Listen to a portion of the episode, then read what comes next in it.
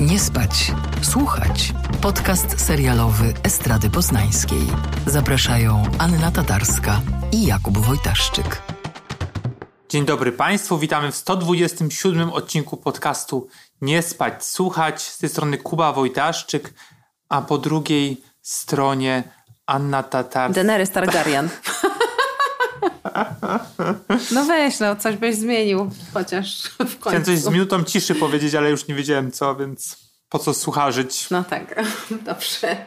To może lepiej nie, rzeczywiście. Nie, no to ja, to wciąż ja, chociaż czasami mam takie krótkie momenty, że marzę, by być kimś innym, to, to, to niewiele się Nie wiem, czy Daenerys to jest, to jest dobra postać, żeby się z nią stać. Myślę, że ze wszechmiar byłby to zły wybór, ale to już zostawmy, no. No dobrze, dzisiaj e, proszę ja ciebie będziemy rozmawiać o serialu, który, polskim serialu, który w przeciwieństwie do e, poprzedniego tygodnia podobał się mnie i tobie, więc to jest coś ciekawego, coś innego na pewno. To prawda? Tytuł serialu to jest Minuta Ciszy, jest emitowany na Kanal Plus. Za reżyserię odpowiada Jacek Lusiński, e, jest również współautorem scenariusza razem z Szymonem Augustyniakiem. Masz straciła męża. Jacek wieczny właściciel. Ten cały wieczny to ma monopol na całą gminę. Zakład pogrzebowy? Pani, prościzna. Każdy to może zrobić. Koniec świata, jak już listonosz zakłada zakład pogrzebowy? Emerytowany listonosz. No i jest to serial, który Bardzo ci się podobał bardzo mi się i mi podobał. również. Myślę o nim, po prostu mam cały czas takie no, bardzo miłe skojarzenia i aż naprawdę dziwię się. Dawno nie, nie widziałem takiego serialu polskiego, serialu, który, który tak zawładnął moją wyobraźnią na przykład, bym powiedział. No to słuchaj, to może powiedzmy właśnie, powiedzmy, powiedzmy, yy, o, o, o co tu chodzi w tym serialu. No powiedz. To będzie sześć odcinków, jeśli się yy, nie mylę. W głównej roli Robert Więckiewicz, to jest zawsze dobra rekomendacja, ale dodam, że tutaj oprócz Więckiewicza, który rzeczywiście tę główną rolę gra, jest wiele innych ról, które są naprawdę szalenie ciekawe. Na ekranie zobaczymy Aleksandrę Konieczną w roli yy, yy, żony Więckiewicza. O tym, jaka to żona, to pewnie powiem, powiemy za chwilę, a ja dodam tylko, że bardzo miłe jest to, że ktoś wreszcie wpadł na to, że oni są w podobnym wieku i naprawdę mogli, mogliby zagrać małżeństwo, mimo że oczywiście tradycyjnie dano by jej starszego partnera, a jemu młodszą partnerkę, ale, ale tutaj są razem, co jest absolutnie wiarygodne i, i super. Mm, Zobaczymy też y, Aleksandrę Popławską w roli, mogę chyba powiedzieć, prawda? Bo to nie jest spoiler. Że co? No, że ona jest wdową po przyjacielu. No tak. Ma na imię Magda, jak To możemy, bo to jest chyba na samym początku, tak. Magda Madzia Majorowa. y, Magda właściwie dość szybko na początku seri- serialu traci w no, bardzo zaskakujących, nagłych okolicznościach męża i, i to jest tak naprawdę punkt wyjścia w ogóle Serialu. całej akcji. O tym, o, tym, o tym za chwilę. No i tam e, na ekranie się pojawia jeszcze e, Adam Bobik. To do tego naprawdę e, za chwilkę wrócimy, bo warto. Piotr Rogucki, dosk- do, doskonali są. Mirosław Zbrojewicz, Marta Ścisłowicz, Tomasz Drabek, Wojciech Schibiński, Ireneusz Ko, Kozeł, Kozł. No i wielu, wielu, wielu innych. No, generalnie chodzi o to, że Mieczysław Zasada w tej roli Robert Więckiewicz jest osobą o wysokim zaufaniu społecznym, ponieważ przez lata był listonoszem, jedynym i ulubionym e, w swoim miasteczku, które się nazywa Boża Wola. Haha, tutaj dodajmy, że nazwiska i znaczące Tak. nazwy to w minucie ciszy jest mocna reprezentacja i trochę suchary, ale jednak fajne. Tak, to prawda. No i Mieczysław ma właśnie tę, tę żonę, Celinę, Celinę Zasadę w tej roli Aleksandra Konieczna, taką powiedziałabym... No, Celina, jest, Celina jest z jednej strony na, na wózku, ale tak naprawdę większy problem ma z tym, że trochę nadużywa. Ale tam wszyscy nadużywają, mam wrażenie, w tej, po prostu wszyscy równo, wszyscy równo chleją z tych małpeczek, z tych buteleczek, z tych po prostu kubeczków pochowanych. No, wszyscy tam po prostu walą, y, walą ostro. Ale ważne jest to, że ani jej niepełnosprawność, ani to, że nadużywają wszyscy, jest w jakiś sposób centralną elementem serialu. To jest super, że nie jest po prostu. To jest po prostu wplecione, tak? To znaczy, tutaj możemy od razu powiedzieć, że w tym serialu się dzieje dużo rzeczy, które są zwyczajowo w y, polskim kinie i w polskich serialach natychmiast oceniane i napiętnowywane i jakby wartościują y, daną postać czy rozwój akcji. Tutaj to się w ogóle nie dzieje. To znaczy, bez względu na to, kto wali, y, kto nie wali, kto oszukuje, kto nie oszukuje, kto tam, nie wiem, gada na kogoś za jego plecami i tak dalej. To jest jakby po prostu część lokalnego kolorytu w takim tutaj, prawda, miasteczku jak, jak, jak Boża Wola i wydaje się to absolutnie y, no, takie no, naturalne i, i wiarygodne. No, no i tenże Mieczysław Zasada marzy o emeryturze. Emerytura to ma być po prostu tutaj czas relaksu i spokoju. Oczywiście szybko się okazuje, że niekoniecznie, no bo ta emerytura to jednak mimo lat y, służby dla państwa to drobna i, i Celina od razu tam mu sugeruje, że może by na ochroniarza poszedł, na to może by te dwa tysiące jeszcze dorobił. No ale los mu pisze inny scenariusz, ponieważ bardzo nieoczekiwanie, tak jak już wspomniałam, umiera mąż Madzi Majorowej, który, no nie, tu nie będę tłumaczyć, co się dzieje, bo to jakby jest, wydaje mi się, dość, dość, dość znaczące, no ale umiera. Nikt się tego nie spodziewa, bo jakby facet koło 60, sprawny, obiecywali sobie, że będą jeździć na ryby. I właśnie z pewnego powodu, którego nie chcę zdradzać, nie mogą go pochować. Po prostu lokalny ksiądz odmawia mu, e, odmawia mu pochówku i używa wszystkich swoich kontaktów, żeby ten pochówek uniemożliwić. No i Mieczysław w dużym skrócie musi sam złapać za szpadel, no. I, I musi to zrobić legalnie, no więc co? Zakłada dom pogrzebowy. No bo faktycznie, się śmieję jak to mówię, ale powiedziałaś o sucharach, e, o sucharskich nazwach i faktycznie mamy trzy domy pogrzebowe w okolicy, w sensie ten na całą gminę, ten główny to jest Jacka Wiecznego i on ma, jego zakład nazywa się Wieczny Spokój. Tak jest. W Katowicach czy w... Ze Złotowa. Ze Złotowa on jest. Niedaleko jest jeszcze Pazera i, on, tak. i on ma tanio i z szacunkiem. Tak. Na wizytówce.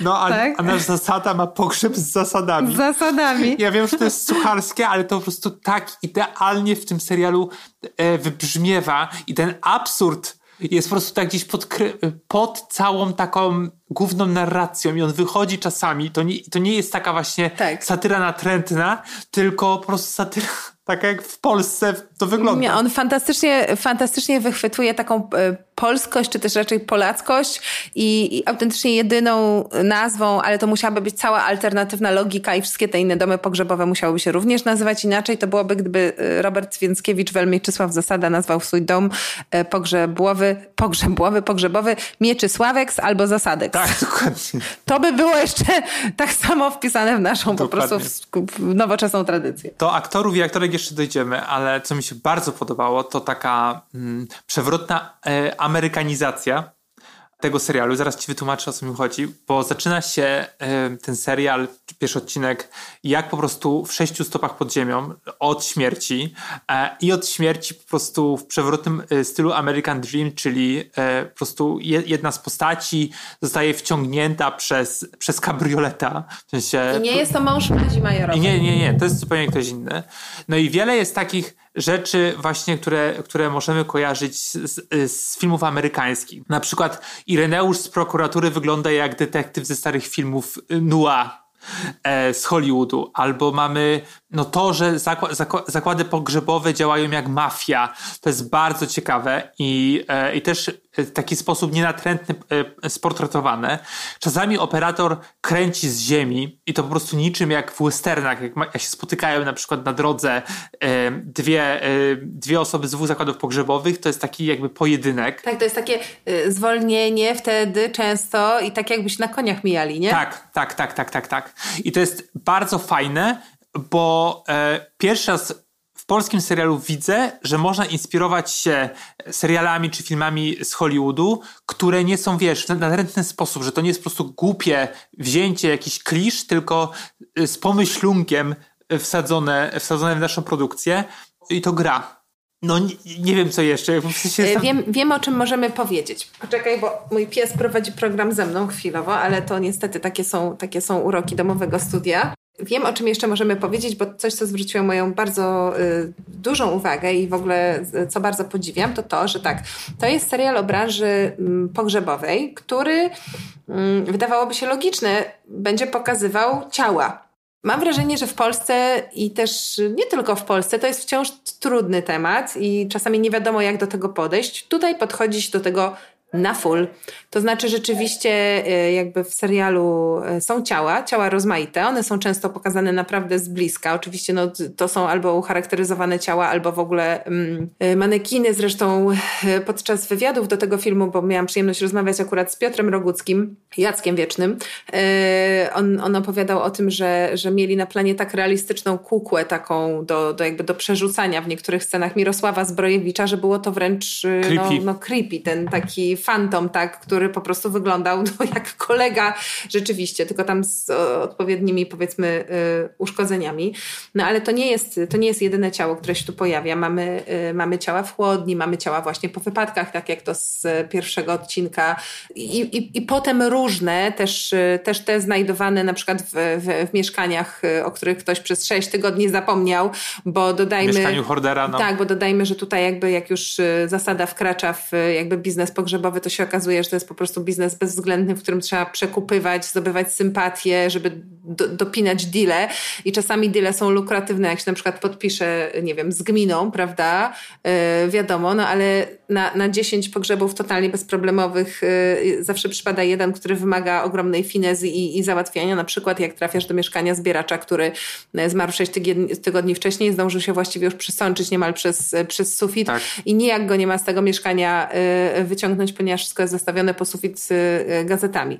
Więc w pewnym sensie no, sytuacja jakoś tam z potencjałem powiedzmy mm, komediowym czy tam sensacyjnym, ale też naprawdę świetnie pokazująca problemy takiej Polski B, C, czy też wręcz y, D, czyli w takim no, bardzo gatunkowym kostiumie, y, w sumie zacięcie takiego mm, realistycznego, wręcz reportażowego kina, powiedziałabym. Tak, i ta praca tych zakładów pogrzebowych jest pokazana fantastycznie. Jest tam postać balsamisty, i ta pasja balsamisty jest pokazana po prostu z taką czułością. I to on, jak mówi o tej pracy, to faktycznie e, mu w to wierzysz. I to jest taki fajny kontrapunkt do takiej tej sensacyjności tych zakładów pogrzebowych, która, która co rusz się pokazuje.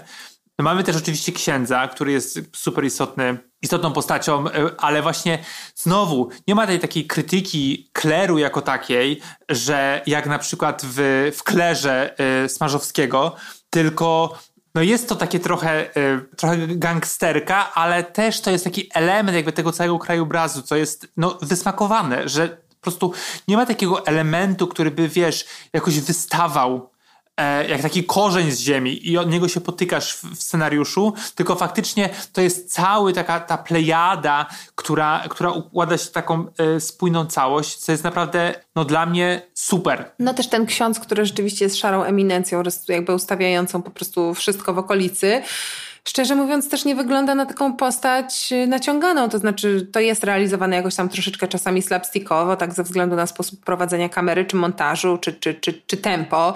Taka gra w y, kotka i myszkę, kiedy zasada, próbując właśnie na początku jeszcze kolegę pochować, naprawdę nie może uwierzyć, że, że, że nie wiem, ksiądz udaje, że go nie ma w domu, tak, albo coś takiego. No to to jest śmieszne, śmiechowe, ale ogólnie ta postać jest absolutnie wpisana w, mam wrażenie, w lokalne, prowincjonalne realia i naprawdę ta skala jego władzy i, i no, bycia bezbożnym w pewnych kwestiach nie, nie jest bluźniercza taka na siłę, żeby skandalizować, tylko absolutnie e, no, taka wiarygodna powiedziałabym. Tak, no i mamy niuansowanie postaci, właśnie nie ma takiej po, po prostu negatywnej, negatywnego bohatera, negatywnej bohaterki, która po prostu jest e, grubą krechą po prostu napisana.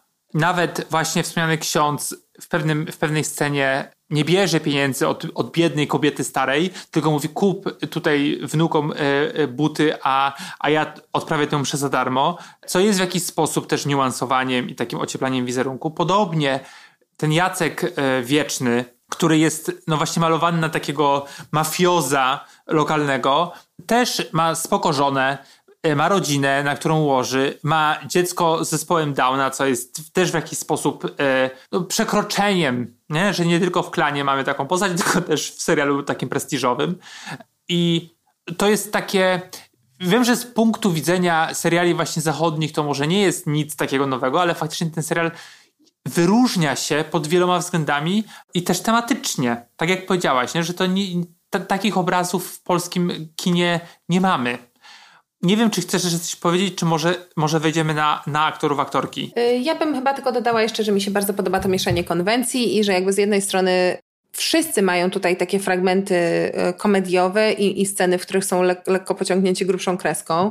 No i, i, na pewno taki, taką funkcję comic relief pełni taki niegramotny um, asystent y, wiecznego w tej roli, właśnie Bobik, który no no, jest taką postacią typowo wręcz kabaretową, wiecznie przekraczającą granicę i taką dość, dość właśnie niegramotną, ale że z drugiej strony jest tam wiele postaci, które są wprowadzane absolutnie na serio, często epizodycznie, ale ze swoimi prawdziwymi dramatami i mam wrażenie, że ten serial nie zapomina o tym, że w gruncie rzeczy kręci się wokół śmierci, którą można obśmiewać, której można się bać, którą można demonizować, y, wokół której można się modlić, ale która niewątpliwie jest jakby centralnym punktem, wokół którego kręci się nasze życie i która jest dla wszystkich równie ważna. Tak, no, no bo czasami ten serial, serial szarżuje. No i na przykład mamy karmienie mózgiem dynata ryb, czy oddawanie moczu pokazane z bliska. Fantazje erotyczne na temat denatki. Tak, właśnie to, to Bobik i jego szef mówi, żywą dziewczynę byś sobie znalazł, więc to też sugeruje, e, no nie powiem co, ale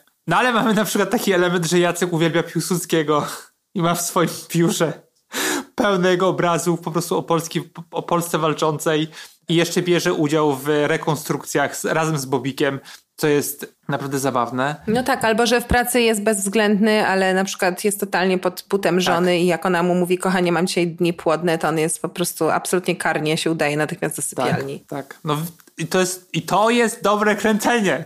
Dlaczego na przykład y, po prostu z gier rodzinnych się pani Pilaszewska nie pokusiła y, o zapoznanie? Ale chciałem powiedzieć o aktorach, bo mam taką teorię, że Więckiewicz gra tylko dobrze w, po prostu w serialach Kanal Plusa. Że po prostu te wszystkie produkcje, w których on bierze udział dla po prostu paychecku, no tutaj jest po prostu niesamowity. To jest aktor tak z krwi kości, jest absolutnie w ogóle gra inaczej niż zazwyczaj. Nie ma takiej buty w nim, nie ma tej takiej sensacyjności, którą często widzimy, z którym go kojarzymy tylko jest takim dobrym kolesiem. Jak on mówi w pierwszym odcinku, że on nie chce za bardzo na ryby, e, jako ten emeryt, tylko woli z Celinką sobie posiedzieć. Ja mówię, no, Robert, gdzie ty byłeś przez te wszystkie lata? Jest absolutnie ekstra. A propos Celinki, czyli, czyli po prostu, jak ona się nazywa? Konieczna. Aleksandra Konieczna. Dla mnie to jest taka polska e, Melissa Leo, że ona jak się pojawia, to zawsze gra kogoś innego. Przechodzą obie te aktorki taką pełną metamorfozę, że po prostu lubią nosić peruki chyba. Ale też gra, gra kogoś, kto jest niby bardzo zwyczajny, a ona go gra tak, że ty po prostu masz tak gdzie jest dziesiąta warstwa tej postaci? O matko, tak, matko, tak, nie? jest ekstra i jest taka wspaniała, wspaniała scena w pierwszym odcinku, jak on ją myje i y, tam kładzie ją do łóżka i cały czas rozmawiają na temat, na, na temat Popławskiej Olki, w sensie tej y, postaci, y, y, którą ona gra Mag, Magdę Majorową i, i, jej męża. I widzisz to, y, no, że jakby on jej pomaga codziennie, to jest praca i ona jest faktycznie z tą niepełnosprawnością sparaliżowana, dowiadujemy się w późniejszych y, partiach dlaczego. I to nie jest właśnie tak jak powiedziałem centrum, że to jest gdzieś obok, że to jest ich normalna proza życia jest niesamowite i dlatego niesamowite, bo to się rzadko zdarza u nas. I Olga Popłaska wspomniana jest po prostu, ja, ja tak kocham. To jest, to jest taka aktorka, którą uwielbiam oglądać i też w końcu dostaje postać, gdzie no jest, no też na maksa zniuansowana. Jest taka scena chyba w trzecim odcinku, jak drze się na swoją pasierbicę i drze się na tą swoją pasierbicę e, jakby pomiędzy właśnie Konieczną i Więckiewiczem w scenie. No to jest niesamowite. Po prostu śmiejesz się i po prostu chcesz to jeszcze dalej oglądać, jakby pochłaniać się z każdą minutą. Naprawdę serial po prostu polski, no, w najwyższej klasie. Ale mi się też wydaje, że Popłaska ma w ogóle fajną relację z Kanal Plus, dlatego że jej rola w Klangorze też była bardzo ciekawa. Tak. I też taka out of the box, jeśli chodzi o nią ona ma ten problem, że jest po prostu szalenie atrakcyjna, taka ponadprzeciętnie atrakcyjna, mam wrażenie, a do tego inteligentna i, i po prostu gdzieś, gdzieś chyba taka jakaś atawistyczna y, reakcja na nią jest często taka, żeby dać jej rolę, która gdzieś bazuje na tej, y, na tej fizyczności. Ona też od dawna z sukcesami grywa w filmach, ale, y, no, ale jakby po tym takim haju powegowym mam wrażenie, że przez chwilę rzeczywiście był, był problem jakby z zagospodarowaniem jej. Nie, nie, nie, nie bo ona, mówię, dużo pracuje, na pewno, na pewno jest okej, okay, ale w taki sposób wow, I dla mnie tutaj jest wow. I tak samo w Klangorze było wow, więc, y, więc bardzo się cieszę, bo, bo no, ma do zaoferowania o wiele więcej niż tylko wcielanie się w kolejną po prostu mocną, atrakcyjną babkę, prawda? Tutaj jest y, i atrakcyjna, i złamana, i wesoła, i smutna, i żałosna, i imponująca, i histeryczna, i zdecydowana. No super jest, naprawdę. Jedyny taki zarzut dla mnie, jaki, jaki mam, to czasami te wątki się nagorywają. W sensie, to, to też może chodzi o moje oczekiwania, bo jak umierał e, Zdrojewicz, no to w scenariuszu była taka budowana taka, taka tajemnica. Nie, nie, nie, nie wokół jego śmierci, tylko no, powodów, ale też dlaczego go nie chcą, nie chcą pochować. I to bardzo szybko przeszło w takie. To wyjaśnienie zaraz się pojawiło. I miałem trochę obawy y, takie, że po prostu w każdym odcinku e, będzie inna śmierć i trzeba będzie się nią zająć i poznamy po prostu milion innych postaci dookoła. E, no ale to nie jest ten case, bo, bo wydaje mi się, że to się e, trochę inaczej potoczy później. Nie widziałem też wszystkich tych odcinków, więc trudno mi powiedzieć.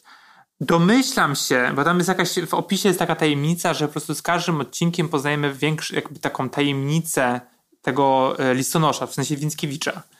E, no i domyślam się, że to będzie mieć coś wspólnego z mm, tym policjantem, jak on się nazywa, tym co mówiłem, że wygląda jak z hollywoodzkich filmów, z Ireneuszem z prokuratury. Tak, tak, tak. No, ale to jakby, to, że to będzie najprawdopodobniej w jakiś sposób połączone z mm, postacią e, graną przez Więckiewicza, z Mietkiem, bo tam jest takie, taka scena chyba w pierwszym odcinku, że czym się nie poznaliśmy wcześniej? No, pewnie na, pewnie na imieninach u, na imieninach u Cześka. Nie? Jakby, no, na pewno piliśmy brudzia, a wydaje mi się, że tam będzie jakaś głębsza historia, która będzie mm, w przyszłości po prostu rozdrobniona i pokazana.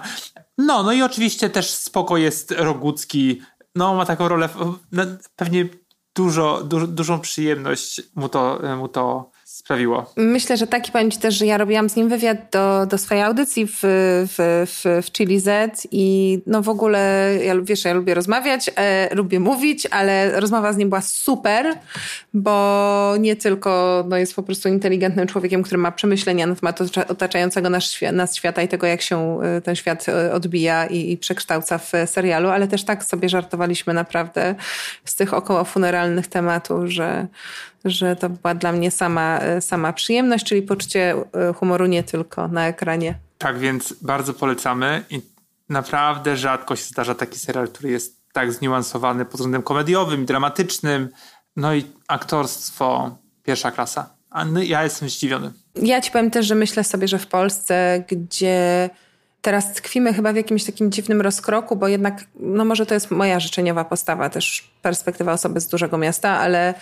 że jednak mm, postrzeganie śmierci i, i, jej takiego koniecznie katolickiego jakiegoś y, anturażu, że to się zmienia i że może troszeczkę się uczymy więcej o umieraniu, o odchodzeniu. Też świat nas do tego zmusza, biorąc pod uwagę to, co się dzieje dookoła nas i bliskość jakby tych ostatecznych tematów.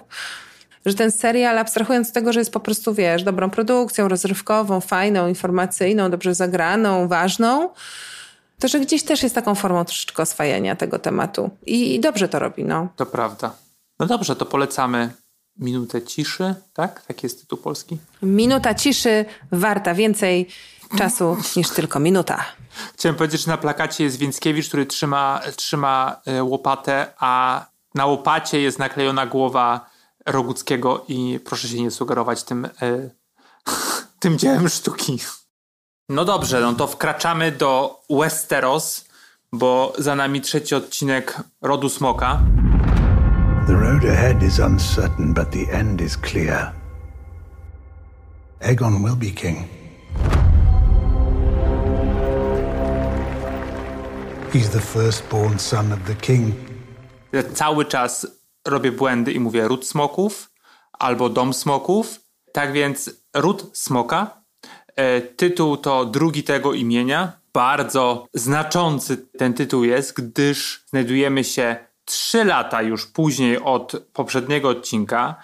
Na świecie pojawił się syn, już dwuletni syn Viserysa i Alicent, co doprowadza do pewnych zgrzytów, ale Aniu, zanim się zagłębimy w fabułę, powiedz, jakie są twoje takie ogólne wrażenia po, po tym trzecim odcinku? Wydaje mi się, że te pierwsze odcinki, no szczególnie ten pierwszy, mm, mówiliśmy zresztą o tym, był taki przegadany, taki bardziej wprowadzeniowy. Trzeba było dużo osób pokazać, one się musiały poprzechadzać, yy, trzeba je było poustawiać, poubierać. No a teraz się rzeczywiście rozkręca akcja.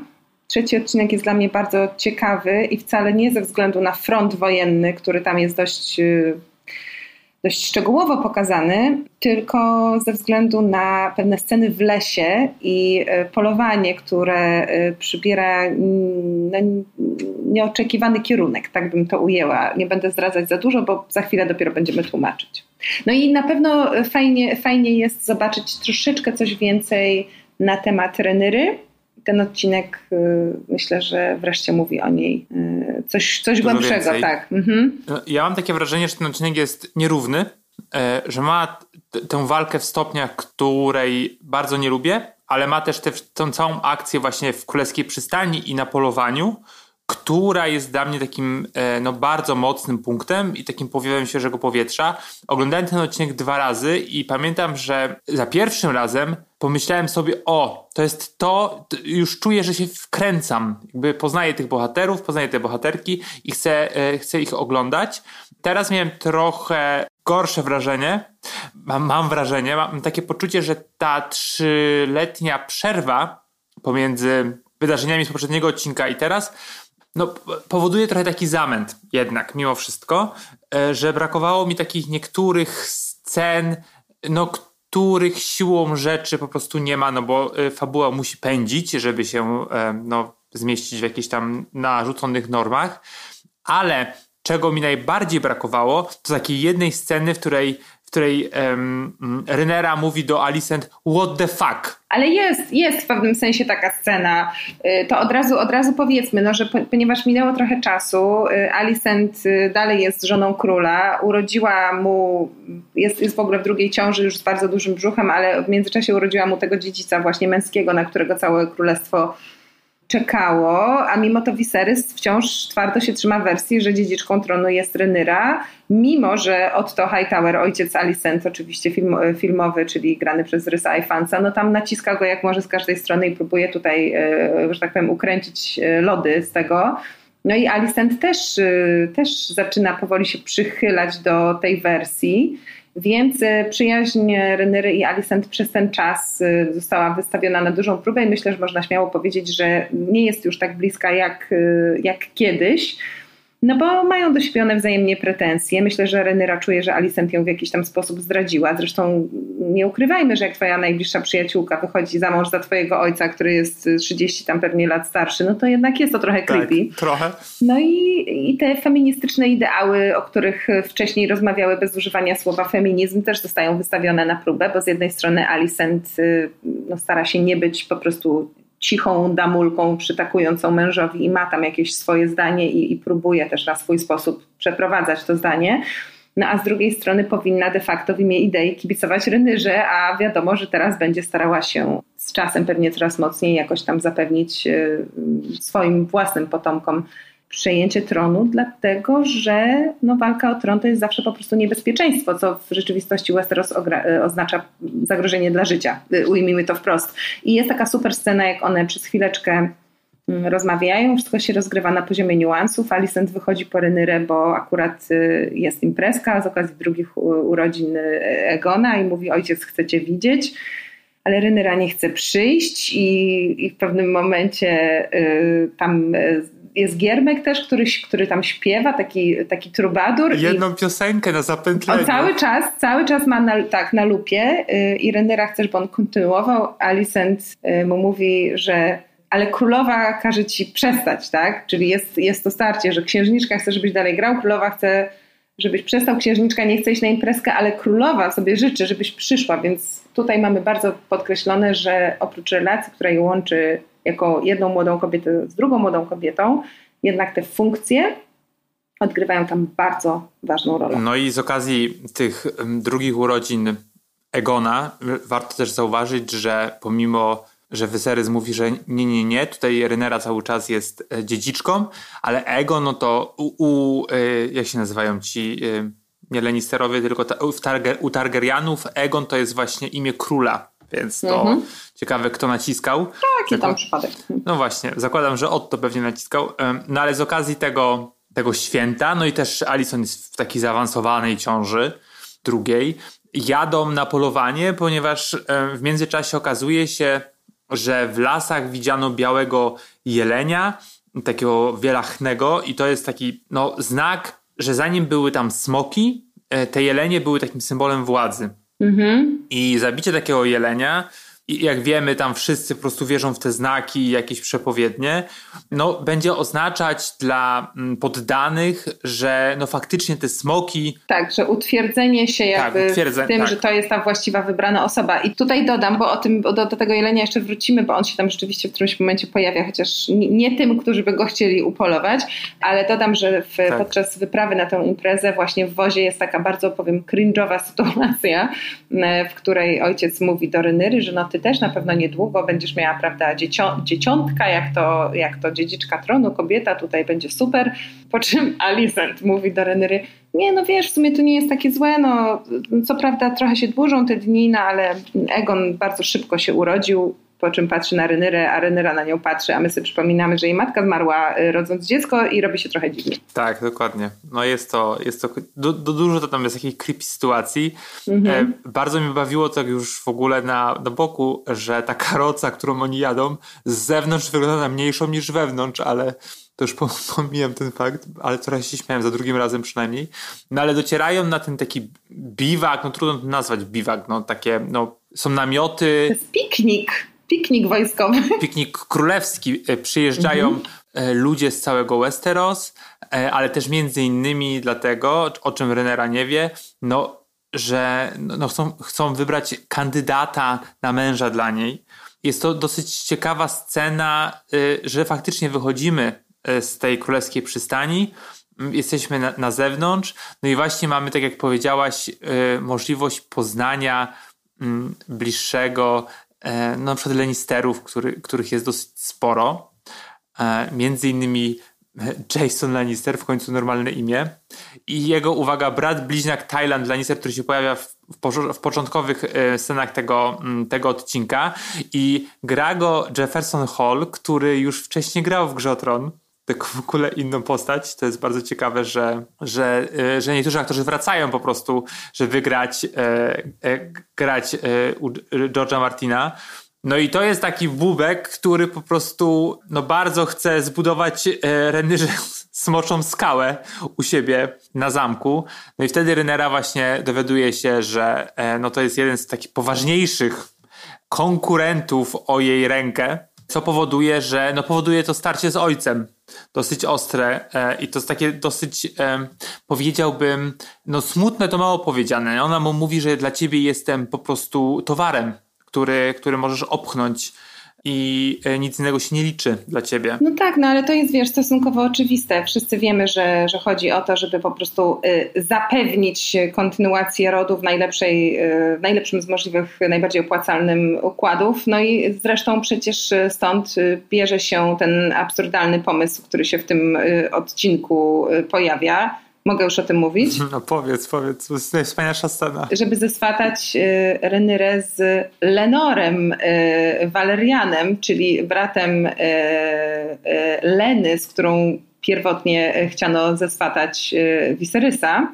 No bo w tym momencie, biorąc pod uwagę, że się rozgrywa ten zbrojny konflikt, któremu prze, y, przewodniczy, przewodzi, przepraszam, no dość niesprawnie Damon właśnie w, w, w wspólnie z flotą mo- morską, morską z Walerii, e, no to to byłby dobry ruch taki mm, dający im sygnał, że no córki nie wzięliśmy, bo była za młoda, ale weźmiemy waszego syna. Ale faktycznie jest tak, że okazuje się, że Lionel Strong, jeden z doradców króla, jest takim prawdziwym doradcą, który, który nie chce grać do swojej bramki i nie proponuje um, za mąż pójścia, czy nie proponuje swojego syna jako, jako potencjalnego męża dla, dla Rynery, tylko faktycznie mówi o tym, żeby to syn morskiego węża, właśnie wspomniany przez ciebie ja, to za trudne imię, Lenor, on się nazywa, znaczy właściwie to on się nazywa Lenor, ale on, Lenor, no Lenor. jak płyn do pukania. Tak. I że on będzie faktycznie y, świetnym kandydatem, ponieważ ta czysta krew, te smoki, on też y, później się dowiadujemy, że, że, je, że lata na smoku to jest takie no, duże wyróżnienie, bo nie, nie każdy potrafi, ale zanim do tego dojdzie, jest najwspanialsza scena, o której, e, o której myślałem, że ty powiesz, a po, pospieszyłem się z tym takim hura optymizmem. Ale która, która, bo tu jest kilka. To, no. co Otto mówi, że może warto Rynerę wydać za mąż za jej brata przyrodniego, dwulatka.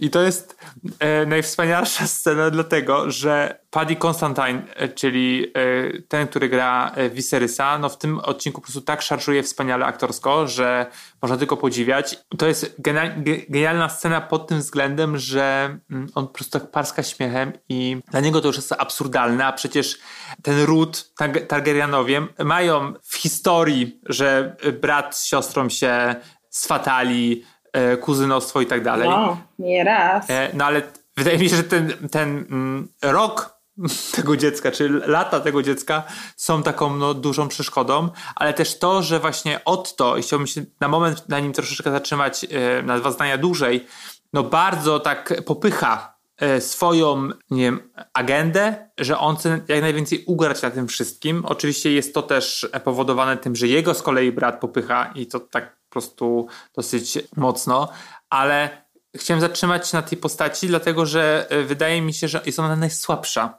Że od trzech odcinków e, wygląda on z takim po prostu komiksowym, czarnym, czarnym charakterem, który się pojawia z zakrzaka i chce namieszać. I to jest podobnie tak, że, mm, że nie ma, że, że jest bardzo jednowymiarowa ta postać. Nie wiem, czy masz też takie wrażenie. Wiesz co, tak trochę nie mam zdania na, na ten temat, żeby powiedzieć dyplomatycznie. Tak nie obchodzi mnie za bardzo. No, a no właśnie, to może to jest ten problem, że, że nie, że nie jest, że nie interesuje, jest ta postać nieinteresująca, a przecież aktor, który go gra, e, oczywiście nie pamiętam już nazwiska, Chris Ifans? tak, no jest przecież wybitnym brytyjskim aktorem i e, myślę, że mógłby ze spokojem no, mieć więcej do zagrania. No, wydaje mi się, że najciekawsze rzeczy w tym odcinku dzieją się na polowaniu, prawda? No takim podwójnym polowaniu chyba. No, mamy z jednej strony te polowanie na tego jelenia, ale z drugiej strony e, Rynera ucieka z tego, z tego namiotu zdenerwowana na, na ojca i pędzi za nią jej rycerz. No, on jest y, jakby szefem królewskiej straży, więc takim jest jej przybocznym. Musi z nią chodzić, żeby ją chronić. Mówimy o Sir Chris, y, Chris,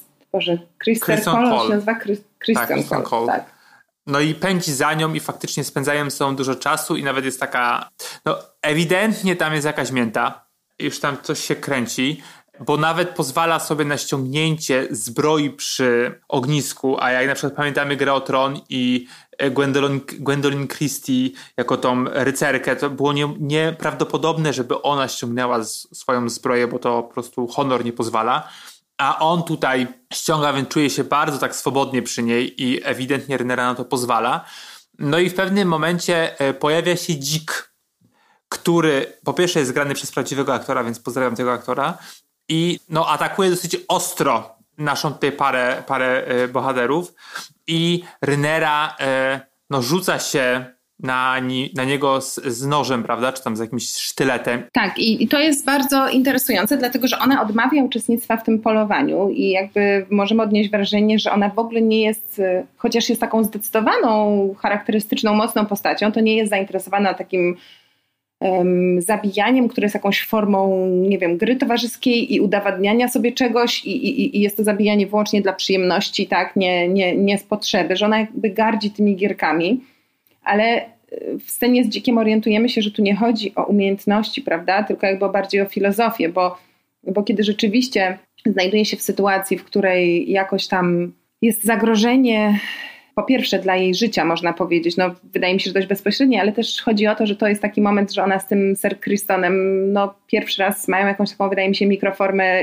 intymności. Tam się staje jasne, że, że oni się mają ku sobie i, i że jest między innymi jakieś zainteresowanie, które w innych okolicznościach pewnie nie musiałoby być tak bardzo powstrzymywane, no ale tutaj wiadomo, to budzi się w niej dzikość. Ona tego dzika zabija z taką pasją i wściekłością, dźga go wielokrotnie nożem, że my w tym momencie dostajemy sygnał od scenarzystów, że to jest poważna zawodniczka, tak? I że trzeba mieć ją na oku, że ona na pewno sobie nie da w kaszy dmuchać.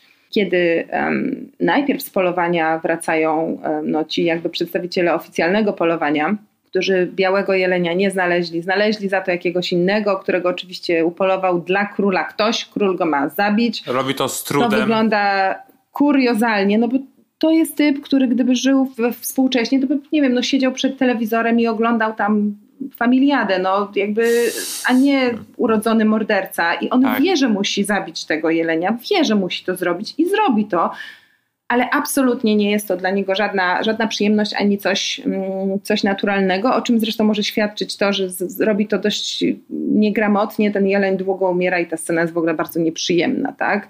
Też, też sugeruje, że no, Viserys do czego, y, jak do czego, ale do walki to nie jest stworzony. A Renyra dzika zabija z pasją, jak po prostu prawdziwa wojowniczka. I zabawne jest zestawienie tych powrotów z polowań, tak? Jak wraca właśnie ta oficjalna zgraja z tym z tym jeleniem i wszyscy tak, mm, tak, tak. No. Po czym wraca Renyra właśnie z Kristonem Kolem, z tym dzikiem na taczkach i w milczeniu przechodzi przez to takie jakby miasteczko tam rozstawione, cała we krwi, bo to ona go zabiła. Nikt nie ma wątpliwości, nie? Tak, to pięknie wygląda, tak w tych włosach. I to jest taki, taki chrzest, chrzest, krwawy chrzest, e, tak. e, który ona przechodzi i, e, i to jest bardzo fajna, jest scena analogiczna um, przeskakując trochę do stopni, gdzie właśnie odbywa się walka z tym krabem, jak on się nazywał? Nie właśnie co, karmiciel krabów on się nazywa? Tak, krab, karmiciel krabów, no bo faktycznie y, o tym tylko wspomnieliśmy, że y, no trzy lata te walki trwają, są raczej no, dosyć słabe, bo okazuje się, że pomimo, że masz smoki, możesz ukryć się w, y, w, jaskini i te smoki ci nic nie zrobią. No to jest siła kontra strategia, prawda? I spryt. No i faktycznie no, mamy tutaj w końcu król e, po namowach swojej małżonki wysyła e, do Daemona wojsko, ale też robi to między innymi dlatego, że faktycznie no, jest tam e, ten Lenor, który no, nie może zginąć i też chcą, chcą go chronić. No i Daemon się wkurza na to, że, że, że brat po prostu podkopuje jego, jego plan i wściekły wyrusza po prostu pokonać karmiciela krabów i sam stacza niemal walkę z, z hordą po prostu jego z hordą przeciwników. I to jest chyba najsłabsza scena tego odcinka, mam wrażenie, bo co prawda jest bardzo dobrze zrealizowana, oczywiście dynamiczna, ciekawa i tak dalej, ale z drugiej strony masz takie wrażenie, że on no on prawie tam dociera tam, gdzie chciał dotrzeć sam z mieczem i masz Jak tak... w grze komputerowej. Y, okej, okay, to dlaczego oni trzy lata walczą, tak, skoro to było tak. takie proste? I jeszcze dostaje chyba z trzy razy ze strzału, strzał e, i dalej walczy, ale mam do ciebie takie pytanie, co myślisz o tym, że on idzie z tą, wiesz, białą flagą i chce się poddać niby, a jednocześnie, wiesz, no zwabia tego kraba? Co ja myślę o tym? No myślę sobie, że to jest takie klasyczne zagranie i rozumiem, ale z drugiej strony myślę sobie, że skoro ten karmiciel krabów był takim e, inteligentnym przeciwnikiem, który się tak fantastycznie przez trzy lata bronił, to on naprawdę uwierzył w to, że Damon wywiesił w białą flagę. No nie wiem, no mam wątpliwości, to jest pierwszy moment w serialu, że mam naprawdę wątpliwości co do jakby wiarygodności roz, rozpisanej akcji w tym momencie. Na szczęście jakoś tam potem te sprawy się znowu składają do, do kupy, a moja sympatia dla y, y, rodu smoka trwa. O, ognista. No i faktycznie idzie y, Damon do tej jaskini. Nie widzimy co prawda jak zabija kraba, no ale tylko go, jego pół korpusu wyciąga y, z jaskini. Showman, wiadomo. Tak, no i też jest cały pokryty krwią i to jest po prostu ta analogiczna z tym takim właśnie, z tym co się stało u Rynery, że oboje mają taki chrzest krwawy, Minus też tej walki jest taki, nawet podwójny, bo, e, bo w, tej, e, w tej walce, w tej, w tej wojnie walczy brat e, morskiego, morskiego smoka, który ginie. I tak naprawdę nie, ani nie poznaliśmy tej, tej postaci, więc nie wiemy, co to tak naprawdę znaczy, a powinno znaczyć dużo, no bo to jest przecież potencjalnie ważna postać. No i powiedzieliśmy o tym Lenorze, który się pojawia na tym smoku, i tak naprawdę tej postaci nie widzimy wcześniej. I e, ja dopiero się za drugim razem zorientowałem, że to jest on, bo oglądałem już późniejsze odcinki. Więc to też jest trochę, mm, że te takie ta waga tej walki i tych postaci, które tam się pojawiają, w ogóle nie jest rozegrana. I to też jest taki dosyć, wydaje mi się, że duży minus, e, który pojawia się przez to, że no, skaczemy tak w czasie. Z drugiej strony po prostu Ród Smoka według mnie kontynuuje tradycję gry o tron, czyli nie przejmuje się tym, czy ktoś jest teoretycznie ważny, czy nie, tylko po prostu zabija bezlitośnie kogo trzeba i ciach, ciach już, po sprawie. No, no tak, ale chociaż jedna, jedna scena, nie? Że tutaj, o proszę, no. tutaj jest postać. I e, no też e, no Damon wyciąga tego kraba. Krab okazuje się, że, że jest pokryty tą taką szarą łuską którą w, w grze o Tron był pokryty, nie wiem jak się nazywał, taki... Towarzysz Arli, Grayscale. Nie, on taki był, nie, to, był, to, było, to była na przykład e, pokryta córka jednego z tych władców, Ach. była spalona na stosie i też był, zaraził się od kamiennych ludzi e, Jora, ten, który był przedupasem e, Daenerys i on też pewnym, później już tam ginie broniąc. No to, ale to nie było właśnie Grayscale? Wydaje mi się, że to się tak nazywało. No tak, ale... Nie wiem, jak to się nazywało. Tak, to, tak się właśnie nazywało. A bo ja zrozumiałem, że coś mówisz o Ari. Nieistotne, to było dawno temu, jesteśmy starzy. To prawda. No, ale zakładam, że nic się po prostu Daemonowi nie stanie i nie, nie zarazi się E, tąże przypadłością. Ja myślę, że on ma wiele okazji, żeby się zarazić czym innym, więc to jest jakby gra losowa, tak. No tak, no i teraz po tym odcinku e, mamy także faktycznie Viserys. Aha, jeszcze jest ważne to, że Viserys po alkoholu zdradza swojej e, małżonce Alicent no to, że, że on wierzy w te przepowiednie, że miał ten sen o tym synu, no i Alison też jest przymuszana przez Otto, żeby właśnie mm, powiedziała, że, że jej syn ma być królem, ale tymczasem ona e, no, robi taki unik i faktycznie e, Viserysa namawia, żeby wysłał armię do Daemona, co jest też, e, wydaje mi się, że właśnie Alison jest taką najciekawszą postacią dla mnie w tym odcinku, że ona pokazuje najwięcej takich... No, różnych swoich odbić w tym odcinku, że, że, że jednak się nie poddaje. No i jednak chyba jest, chyba kocha tego Viserysa, mimo wszystko, że jest 300 lat starszy od niej i została do tego małżeństwa przymuszona, jednak chyba się odnajduje w tej roli. Ja mam wątpliwości co do tego, czy ona go kocha. Na pewno nie jest to miłość płomienna, mimo że, że tak powiem, są z tego, są z tego dzieci i, i jakby, no ale to chyba kiedy indziej o tym porozmawiamy bo to nie ten odcinek. Natomiast, y, natomiast myślę, że ona jest po prostu osobą, która jest jakoś taka emocjonalnie rozwinięta i, i, i dojrzała i że po prostu nie jest, y, nie jest wyrachowana, nie jest zimna, że rozumie, że musi grać w tę grę, rozumie jej zasady, robi wszystko, żeby ochronić siebie i zapewnić bezpieczeństwo swoim dzieciom, ale jednocześnie przynajmniej na razie nie jest osobą, która naśle tajnego zabójcy na Rynyrę, żeby rozwiązać problem, tak jakby to na pewno zrobiła Cersei. Tak. I że jakoś stara się zachować w tym wszystkim człowieczeństwo, że na pewno do Viserysa ma jakieś ciepłe emocje, myślę, że go docenia, na przykład za to, że właśnie on nie jest okrutny i, i że nie zawsze wojna i przemoc jest dla niego pierwszym wyjściem, aczkolwiek też sądzę, że tu jest taki układ, że ona w pewnych kwestiach jest mądrzejsza od niego i sprytniejsza, a oczywiście tak. nikt nie, nie przyzna się do tego głośno, więc ona musi, jak to przez lata bywało, po prostu podszeptywać mężowi takie rozwiązania, żeby on myślał, że to był jego pomysł, ale żeby było tak, jak ona chce. tak, tak, to prawda.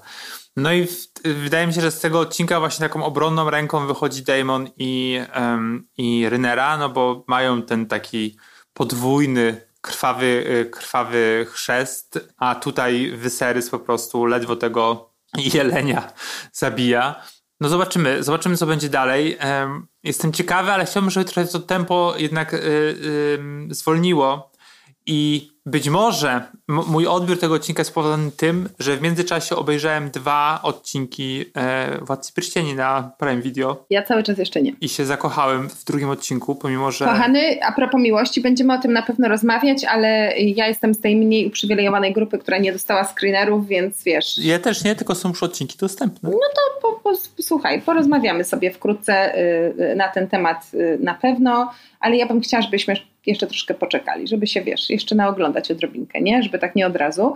Ale myślę, że yy, jeszcze tylko powiedzmy a propos rodu smoka, że ród smoka, który miał takie fantastyczne otwarcie no i jakieś rekordy pobił ten pierwszy odcinek, nie zwalnia tempa pod tym względem, ponieważ kolejne odcinki oglądają się jeszcze lepiej, tak? Tak, tak? Czyli przypomina mi się, jak miałam te wywiady, takie y, stolikowe wywiady, czyli że jest y, kilku dziennikarzy i, i, i jakby rozmawiamy razem z, z aktorami i oczywiście to jest takie pytanie, którego ja nie lubię zadawać i ono jest dla mnie czasami bez sensu, ale tam dużo osób zadawało to pytanie, czy sądzicie, że Ród Smoka będzie większym sukcesem niż Gra o Tron? I wszyscy jak jeden mąż i naprawdę nie wydaje mi się, że to była kokieteria. Mówili, absolutnie jest to niemożliwe, nie, w ogóle nawet na to nie liczymy. Znaczy, fajnie byłoby, gdyby serial był popularny, ale, ale Gra o Tron trafiła w niesamowity moment, to jest jakby fenomen kulturowy i tak dalej. I rzeczywiście, no jakby Gra o Tron, nawet to, że ludzie czasami mówią o rodzie smoka i mówią Gra o Tron, a potem Tak, się dopiero poprawiają, tak. to jakby Gra o Tron ma swoje miejsce w kulturze, które jest no jakby niekwestionowalne i, i jest tym zjawiskiem, ale skala sukcesu rodu smoka to jest już nowe, osobne zjawisko i jeśli to tak dalej pójdzie, to no myślę, że to jest naprawdę bezprecedensowy sukces, o którym bardzo jeszcze długo będziemy mówić. A my na pewno za tydzień o No, czwartym odcinku. Na pewno, na pewno. No dobrze, to dziękuję Ci bardzo. Jedziemy na smokach dalej. Drakarys, Kuba Drakarys. Dracarys. No jestem ciekawy tego trzeciego smoka, bo się pojawił tylko na moment, a, a chciałbym go zobaczyć więcej. No dobrze, to dziękuję Ci bardzo i słyszymy się za tydzień. A jakże? Do usłyszenia. Pa, pa. Nie spać, słuchać. Producentem podcastu jest Estrada Poznańska. Wszystkie odcinki znajdziesz na estradapoznań.pl.